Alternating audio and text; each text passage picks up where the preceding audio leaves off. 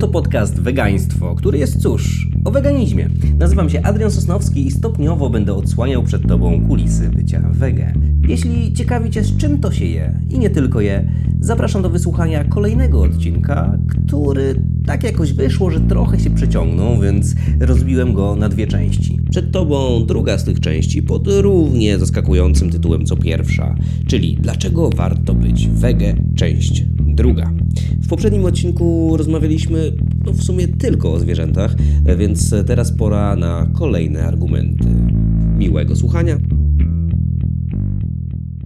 Ok, lecimy dalej. Dlaczego warto być wege? Punkt drugi. Dla zdrowia.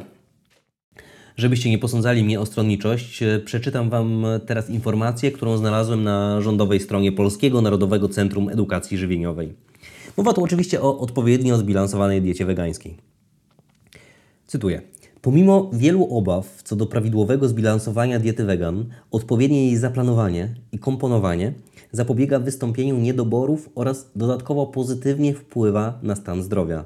Według badań Światowej Organizacji Zdrowia zastosowanie diety wegańskiej związane jest m.in. ze zmniejszonym ryzykiem zachorowania na nowotwory, zwłaszcza okrężnicy i raka prostaty i choroby układu sercowo-naczyniowego. Weganie wyróżniają się także mniejszym ryzykiem wystąpienia otyłości, nadciśnienia tętniczego, cukrzycy oraz mniejszą śmiertelnością z powodu choroby niedokrwiennej serca. Mniejsze narażenie na wyżej wymienione schorzenia weganie mogą zawdzięczać cennym składnikom takim jak błonnik pokarmowy, jedno- i wielonienasyconym kwasom tłuszczowym czy antyoksydantom. Weganie spożywają je w większych ilościach w postaci warzyw, owoców, roślin strączkowych, orzechów, nasion i innych produktów pochodzenia roślinnego. Koniec cytatu. Nieźle, co? Co więcej, British Dietetic Association i American Academy of Nutrition and Dietetics potwierdzają, że dieta wegańska może być odpowiednia dla osób w każdym wieku i na każdym etapie życia, również u kobiet w ciąży i podczas karmienia piersią. Spokojnie, o popularnych mitach zdrowotnych dotyczących weganizmu powiem za chwilę. Bez niepotrzebnego przekomplikowywania sprawy, zastanówmy się, dlaczego tak się dzieje, że będąc wege jesteśmy z zasady zdrowsi. Przede wszystkim odrzucając mięso, odrzucamy sporą dawkę codziennych tłuszczy, które w nadmiarze podwyższają cholesterol, zapychają żyły i obciążają cały układ krwionośny. Odrzucając mięso, a idąc dalej, też mleko czy sery, siłą rzeczy jemy więcej warzyw, dzięki czemu nie tylko przyswajamy dużą dawkę witamin, no ale też możemy zacząć delikatnie tracić na wadze lub przynajmniej utrzymywać ją na stabilnym poziomie. Bez większego wysiłku, właśnie przez to ograniczenie tłuszczy. Powiem Wam szczerze, że przejście na weganizm mi osobiście pozwoliło przy ograniczonej ilości ruchu uniknąć pojawienia się sporego przedtrzydziestkowego brzuszka, za co, no cóż, no jestem niezmiernie wdzięczny. No i to wszystko może sprawić, że po prostu będziemy czuć się lepiej. Właśnie rezygnacja z mięsa znacząco zmniejsza ryzyko zatrucia pokarmowego i pasożytniczego. O salmonelli też można zupełnie zapomnieć. Istnieją raporty, które potwierdzają, że około połowa wszystkich antybiotyków sprzedawanych w Wielkiej Brytanii jest podawana zwierzętom hodowlanym, z czego 60% podawana jest świniom. Jeśli tak dzieje się na wyspach, to u nas no, nie będzie inaczej. Spożywanie antybiotyków w nadmiernej ilości, również poprzez spożywanie mięsa zwierzęcia, które otrzymywało wcześniej te antybiotyki, powoduje, że bakterie stają się antybiotykoodporne, przez co z czasem będzie coraz trudniej bronić się ludzkości przed nowymi infekcjami. W ocenie WHO na całym świecie antybiotykoodporność powinna zostać uznana za globalne zagrożenie dla zdrowia.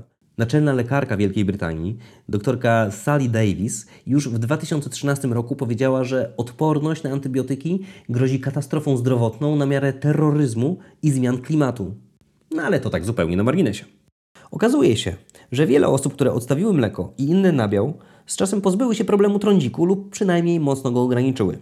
Wprawdzie mleko tylko pośrednio wpływa na problemy z cerą, no ale ta zależność jest bardzo silna. Trądzik powstaje w wyniku zmian środowiskowych, uwarunkowań genetycznych, ale w dużej mierze też ze względów hormonalnych. Tak się składa, że krowie mleko nie jest z zasady stworzone do spożywania przez ludzi, mimo że niektórym tak się wydaje, że krowy po prostu dają mleko i już. No to, to nie. Ewolucyjne założenie jest takie, by pijące je cielęta otrzymywały odpowiednie składniki odżywcze, które pozwolą im na wzrost i rozwój, by stały się dużymi i silnymi krowami czy bykami. W efekcie kazeina zawarta w mleku podczas trawienia powoduje wzrost poziomu konkretnego hormonu w naszym organizmie, którego nadmiar powoduje trądzik. No i już.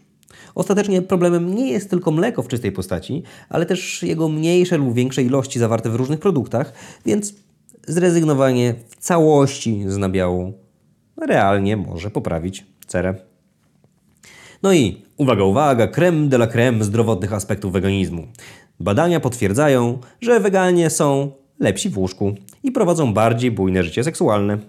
Wiele roślinnych składników i potraw pobudza bowiem ukrwienie, co dotyczy również mózgu, co z kolei ma pozytywny wpływ na libido. Krążenie poprawia się w każdej, dosłownie w każdej części ciała, więc jest większe prawdopodobieństwo, że w sypialni nic nie zawiedzie. Co potwierdzają kolejne badania, z których wnioski są takie, że regularne ćwiczenia, dieta bogata w warzywa i owoce, takie jak truskawki, borówki czy jabłka, mogą obniżyć ryzyko wystąpienia impotencji o 20%. Ponadto publikacje naukowe potwierdzają, że odrzucenie mięsa i nabiału może poprawić nasz nastrój i podnieść poziom serotoniny, hormonu szczęścia, a to wiąże się z pewnością siebie, a ta znów przekłada się na relacje intymne. Całkiem ciekawe i trochę zabawne, jakby o tym pomyśleć, jest też to, że zapach wegan może być przyjemniejszy od zapachu nie wegan. Choć podejrzewam, że jak najemy się surowej cebuli i czosnku, to wszyscy pachniemy tak samo. W 2006 roku przeprowadzono takie badanie, gdzie porównywano zapach ciała, czy raczej smrodek ciała, osób na diecie roślinnej i mięsnej. No i rzeczywiście różnica była znacząca. Mówi się też, choć no nie znalazłem tutaj jasnego potwierdzenia naukowego, że mężczyźni, którzy jedzą więcej warzyw i owoców, produkują słodszą spermę. Tę kwestię pozostawiam do indywidualnej weryfikacji. Okej, okej, okej, dość e, tych zberezeństw. Pora na chyba najczęściej spotykane mity zdrowotne związane z byciem wege. Tak to już jest, że jak skacze stoch, to wszyscy są specjalistami od skoków. A jak mówisz, że jesteś weganinem czy weganką, to wszyscy nagle stają się ekspertami od dietetyki. To lecimy. Pierwsza wątpliwość. Dieta wegańska nie zapewnia człowiekowi wystarczającej ilości pełnowartościowego białka. Wiele osób uważa, że pełnowartościowe białko znajdziemy tylko w mięsie i już. Dlatego też jak ćwiczą na siłowni, to nie mogą być wege. No i to prawda, że białko roślinne jest mniej wartościowe niż białko zwierzęce, które składa się z około 20 aminokwasów. W roślinnym znajdziemy 8 do 9 aminokwasów, ale organizmowi człowieka nie potrzeba niczego więcej. Wiele publikacji naukowych wskazuje, że dobrze zbilansowana dieta wegańska dostarcza odpowiedniej ilości białka. To znaczy, że przy komponowaniu wegańskich posiłków warto mieć na uwadze różnorodność produktów. Doskonałym źródłem białka są warzywa strączkowe, tofu, produkty zbożowe, orzechy czy pestki. Najlepiej jest jeść wszystko i eksperymentować z nowymi daniami i produktami. Wtedy no, nie trzeba się specjalnie przejmować większością niedoborów, nie tylko potencjalnym niedoborem białka. Znaczy, mówiąc wszystko, mam na myśli wszystko bez mięsa i nabiału. E, No ale tak, e, pełną gamę warzyw, em, owoców, pestek, e, no i nasion. Podobnie jest z rzekomymi brakami żelaza czy wapnia. Żelazo występuje nie tylko w mięsie, ale w zielonych warzywach liściastych, orzechach, nasionach itd. Wprawdzie żelazo niechemowe, czyli to pochodzące z roślin, wchłania się nieco gorzej od chemowego, mięsnego, ale po pierwsze, wystarczy jeść produkty będące źródłem witaminy C, które pomagają we wchłanianiu się tego żelaza, a po drugie i najważniejsze, liczne badania potwierdzają, że spożycie tego pierwiastka wśród wegan spełnia odpowiednie normy. Jeśli chodzi o przypadki anemii, to też nie występują one częściej niż wśród mięsożerców. Wapno za to kojarzy się przede wszystkim z mlekiem, ale mają go w opór też zielone warzywa, soja, orzechy, fasola i wiele innych produktów. Zawsze można też wybierać e, gotowe produkty na półkach sklepowych, które są fortyfikowane wapnem. Na przykład napoje sojowe bardzo często mają dodatki wapna.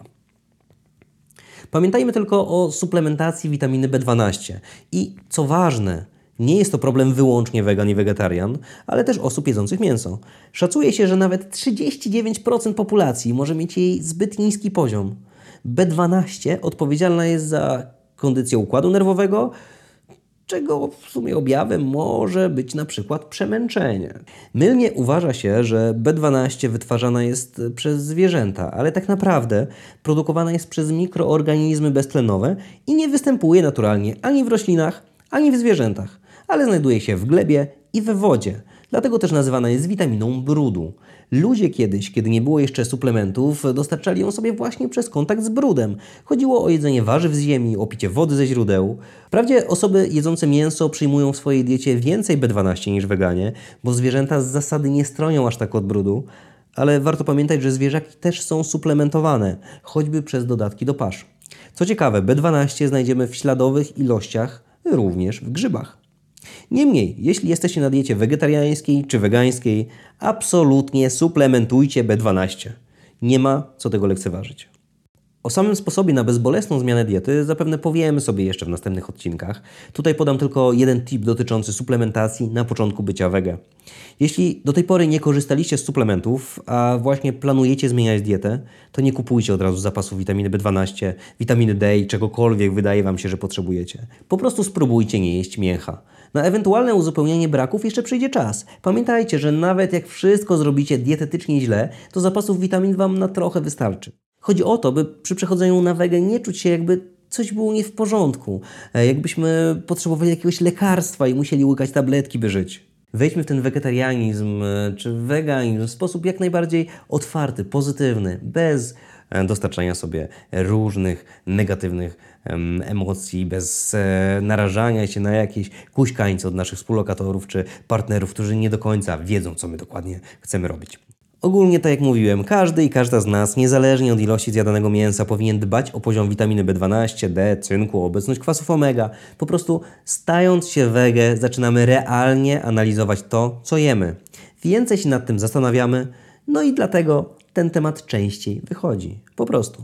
Spokojnie poradzicie sobie. Im dalej w las, tym więcej będziecie wiedzieć i będzie Wam zdecydowanie łatwiej.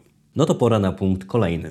Dlaczego warto być wege? Punkt trzeci dla planety. Najbardziej palącą kwestią, przepraszam za niefortunną grę słów, jest globalne ocieplenie, którego skutki widzimy każdego roku również w Polsce. Nie będę zagłębiał się w szczegóły, warto jednak zauważyć, że w ciągu ostatniego półwiecza nasz ślad ekologiczny zwiększył się o blisko 190%. Hodowla zwierząt każdego roku emituje do atmosfery ekwiwalent ponad 7 miliardów ton dwutlenku węgla, co stanowi w zależności od źródła danych od 11 do 14,5% całkowitej emisji gazów cieplarnianych. Produkcja mięsa jest tym samym bardzo zbliżona pod wpływem emisyjności do transportu, który jest odpowiedzialny za 13 do 15% światowej emisji. Jako ciekawostkę podam Wam, że najbardziej emisyjne jest bez wątpienia ogrzewanie, ale no z niego zrezygnować nie możemy. To około 30% całkowitej emisji. Kolejną sprawą jest deforestacja, która jest następstwem większego zapotrzebowania na wysokokaloryczne rośliny, głównie soję, które są podstawowym składnikiem większości pasz, której z kolei potrzeba coraz więcej w coraz to większych hodowlach. No i by the way, to oczywiście nieprawda, że weganie jedzą tyle soi, że przez nich wycina się lasy. Po prostu nie, ignorujcie tego typu oskarżenia. Według raportu WWF w ciągu zaledwie 50 lat 20% Amazonii zniknęło z powierzchni Ziemi. W porównaniu z 2018 rokiem poziom wylesienia wzrósł tam aż o 85% i był najwyższy od dekady. To właśnie hodowla bydła i trzody chlewnej oraz uprawy na ich pasze są największym motorem napędowym wylesiania w Amazonii i odpowiadają za 80% obecnego poziomu tego procederu. Swoją drogą, czy wiecie, że przeciętny Europejczyk zjada około 61 kg soi rocznie? Przede wszystkim pośrednio przez drób, wieprzowinę, no i nabiał. Intensywna hodowla jest źródłem zanieczyszczeń ziemi, wód i mórz. Tak jak intensywne uprawy oparte na pestycydach i sztucznych nawozach, które z kolei są niezbędne pod pasze dla zwierząt. Duże ilości zwierząt skumulowane na bardzo małej przestrzeni wytwarzają ogromne ilości odchodów, które nie są prawidłowo składowane i trafiają do lokalnego środowiska, wód gruntowych i dalej do morza. W odchodach z ferm mogą znajdować się patogeny, takie jak E. coli, a także metale ciężkie i pestycydy. Ma to znaczenie szczególnie w przypadku lokalizacji w pobliżu ujęć wody pitnej. Azot i fosfor obecny w pestycydach i nawozach, kiedy znajdzie się w wodzie, wpływa na nadmierny rozwój glonów. Te z kolei wpływają na ograniczoną dostępność tlenu w zbiorniku, a to powoduje eutrofizację, czyli powstawanie martwych stref, w których niemalże żadne organizmy nie mają możliwości rozwoju. Wedle danych z 2018 roku powierzchnia martwych stref w Bałtyku wynosi aż około 17%. Oglądaliście już e, Seaspiracy? To jest ten e, film na Netflixie, ten e, dokumentalny film o połowach ryb na masową skalę. Jak nie, to zdecydowanie warto, bo to jest kolejna produkcja, która rozszerza pole widzenia. Powiem tu tylko, że ponad 90% zbadanych światowych stad ryb jest przełowionych lub poławianych na granicy przełowienia. A połowy przemysłowe przypominają bardziej niż takie łowienie w małej nadmorskiej miejscowości, skutra i tak dalej. Przypominają bardziej przejście podwodnego huraganu, który zmiata cały element ekosystemu. I no cóż, jest to bardzo duża strata. Jeśli jeszcze nie słyszeliście, to punkt krytyczny przełowienia dorsza już nastąpił i w najbliższych latach całkowicie zniknie on z Bałtyku. No i jeszcze jedna sprawa. Z weganizmem bardzo często wiąże się empatia, chęć poszukiwania wiedzy i świadomość wpływu na świat. Co tu dużo mówić? Przy stoiskach z zamiennikami mięsa częściej spotkacie ludzi z ekologicznymi produktami w koszyku i owocami zapakowanymi w wielorazowe siatki niż przy stoiskach z mięsem. Tum, tum, tum, tum. Dlaczego warto być wege? Punkt czwarty. Dla innych ludzi. Ktoś może w tym miejscu powiedzieć, że gdzie tu pomoc dla innych, skoro weganie zmniejszają zapotrzebowanie na mięso, w efekcie ograniczają podaż i dążą do zamknięcia ferm, czyli zabierają pracę. Uch, no dobra, ale rolnictwo to sporo więcej niż tylko mięso i jestem pewien, że miejsce dla tych pracowników gdzieś się znajdzie. Co więcej, nagła rewolucja jest niemożliwa, więc tak samo pytanie o to, co by było z tymi wszystkimi zwierzętami, gdybyśmy zamknęli fermy przemysłowe, jak i o to, co by było z tymi wszystkimi ludźmi tam pracującymi, nie ma specjalnie sensu. Poza tym fermy przemysłowe mają bardzo negatywny wpływ na lokalne społeczeństwo i możecie być pewni, że jeśli jest gdzieś plan postawienia nowej fermy, to za chwilę odbędą się tam protesty mieszkańców. Z funkcjonowaniem ferm przemysłowych wiąże się ograniczenie rozwoju i innych form działalności, zanik małych gospodarstw rolnych, spadek wartości nieruchomości e, leżących wokół, czy zagrożenia środowiskowe, zdrowotne, no i epidemiologiczne. Chodzi o zanieczyszczenia odchodami, toksycznymi w dużej skali, o choroby przenoszone przez zwierzęta, o plagi much, a także o potworny odór, który czuć nawet z kilku kilometrów. To, że w latach 2009 do 2019 odbyło się ponad 840 protestów mieszkańców, w których sąsiedztwie wybudowano lub miano wybudować nowe farmy, dobitnie świadczy o tym, że w ich okolicy po prostu nie da się mieszkać. Patrząc na statystyki ze Stanów Zjednoczonych, ubojnie i fermy mają jeden z najwyższych wskaźników rotacji pracy w kraju, a pracownicy przejawiają tam symptomy stresu pourazowego częściej niż pracownicy innych branż. No cóż, tam, tam też się nie da normalnie pracować. Ale spójrzmy na cały temat szerzej. 925 milionów ludzi na całym świecie cierpi z powodu głodu. Głównie są to ludzie żyjący w słabo rozwiniętych krajach Afryki i Azji. Bez wątpienia Ziemia ma przecież zasoby, aby zapewnić wystarczającą ilość pożywienia dla każdego człowieka na planecie. Ale jeśli tak, to jak to się dzieje, że ludzie wciąż głodują? No i tutaj odpowiedź jest złożona, ale częściowo kryje się w produkcji żywności opartej na zwierzętach, takiej jak nabiał, mięso, jajka. Okazuje się, że większość upraw na świecie przeznaczana jest na pożywienie dla zwierząt gospodarskich. Dodajmy do tego fakt, że do produkcji żywności pochodzenia zwierzęcego potrzeba o wiele więcej pokarmu roślinnego niż otrzymujemy gotowego pokarmu zwierzęcego, co ostatecznie absolutnie nie ma sensu i przyczynia się do powstawania głodu. Potwierdzeniem tej tezy niech będzie badanie przeprowadzone przez naukowców z Institute on the Environment University of Minnesota. Wzięto pod lupę zasoby rolne i problem głodu na świecie. Stwierdzono, że gdyby ludzie konsumowali plony zamiast karmić nimi zwierzęta, mielibyśmy o 70% więcej żywności, co wystarczyłoby do utrzymania kolejnych 4 miliardów ludzi. 4 miliardów! Sama nadwyżka wystarczyłaby, aby wyżywić ponad połowę populacji Ziemi, a to wielokrotnie więcej niż te 925 milionów głodujących ludzi. Czy zdajecie sobie sprawę, że w tym momencie problem głodu na świecie moglibyśmy rozwiązać? Że mamy do tego odpowiednie narzędzia? No dobra, zmierzamy do końca. Dlaczego warto być wege? Punkt piąty. Dla smaków i własnego rozwoju kulinarnego.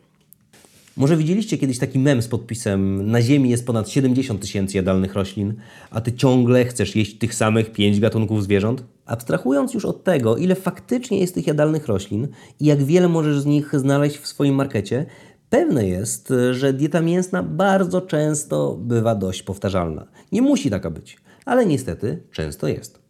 Zresztą żyjemy w Polsce, więc wyobraźmy sobie taki standardowy obiad. Co znajduje się na talerzu? Kotlet, ziemniaki, ryż lub kasza i jakieś surówki. Każda z tych składowych może przybierać różne formy, ale koncept jest zwykle podobny. Jeśli jednak wywalimy z tego mięso, to okaże się, że posiłek jest niepełny i czymś trzeba zastąpić tę pustkę. No i tutaj zaczyna się przygoda. Wiele osób na starcie stara się robić wegańskie kotlety, sklejając je nieznanymi sobie wcześniej sposobami, co zwłaszcza na początku dość rzadko wychodzi, a efekt no, też pozostawia sporo do życzenia. Wtedy często przychodzi moment, w którym rozpoczynają się poszukiwania, a myślenie zaczyna się trochę przestawiać. Wtedy też robi się jeszcze ciekawiej i zaczyna też robić się sporo łatwiej. Odrzucenie tak dużej części produktów, jak wszystkich rodzajów mięs, całego nabiału i miodu, to bez dwóch zdań nie lada rewolucja i spore wyzwanie. Nie da się tego ukryć. Wiele osób zastanawia się wtedy, a co ja w ogóle będę jeść. Dla mnie to był moment niezwykle odkrywczy. Okazało się, że zacząłem robić pasty na chleb, próbować tofu w najróżniejszych wariantach, odkrywać smaki azjatyckie, czy robić warzywne sosy do makaronów, które były zupełnie inne niż te, które jadłem do tej pory. Poznałem smak czarnej soli, płatków drożdżowych, wędzonego tofu, nauczyłem się robić majonez, pierogi, ciasta. Wszystko dlatego, że chciałem jeść to, do czego byłem przyzwyczajony, ale w wersji wegańskiej. No i chciałem też odkrywać i poznawać nowe rzeczy, które były wcześniej dla mnie zamknięte. Wtedy w sklepach nie było jeszcze tak dużo gotowców, więc trzeba było po prostu kombinować. Chodzi o to, że musiałem przestawić się z myślenia o mięsie jako o niezbędnym dodatku. To teraz w sumie jest dla mnie bardzo śmieszne, ale na studiach, jak miałem taki czas, że musiałem zaciskać pasa, to moim daniem popisowym był makaron z kary, cebulą i parówkami, które no, ostatecznie nie miały smaku, ale były jakimkolwiek substytutem mięsa. Jak robiłem sałatkę i nie było w sklepie kurczaka, to podsmażałem kawałki wieprzowiny i wrzucałem do środka, przez co ani to nie smakowało, ani nie wyglądało. No ale puh, ja byłem spokojny, bo mięsko, najważniejszy składnik, było w środku. Bez sensu. Rzecz w tym, że przejście na weganizm i rezygnacja z produktów, które były podstawą naszego żywienia, zmusza nas do kreatywności i popycha w stronę odkrywania nowych smaków i próbowania zupełnie niespodziewanych pozycji w menu. Na początku jest ciężko, trudno się robi zakupy, prawie wszystko trzeba ciechać z przepisów, ale wystarczy chwila, by się w tym całym wegaństwie odnaleźć i wkroczyć na drogę zupełnie nowych doznań, a do tego nauczyć się robić szereg niesamowitych dań, o których jedząc mięso w życiu byście nie pomyśleli. Pod tym względem weganizm to prawdziwy game changer. Z tym Was zostawiam. Następnym razem pogadamy o minusach, czyli o tym, co jest irytujące w byciu weganinem. Do usłyszenia niebawem!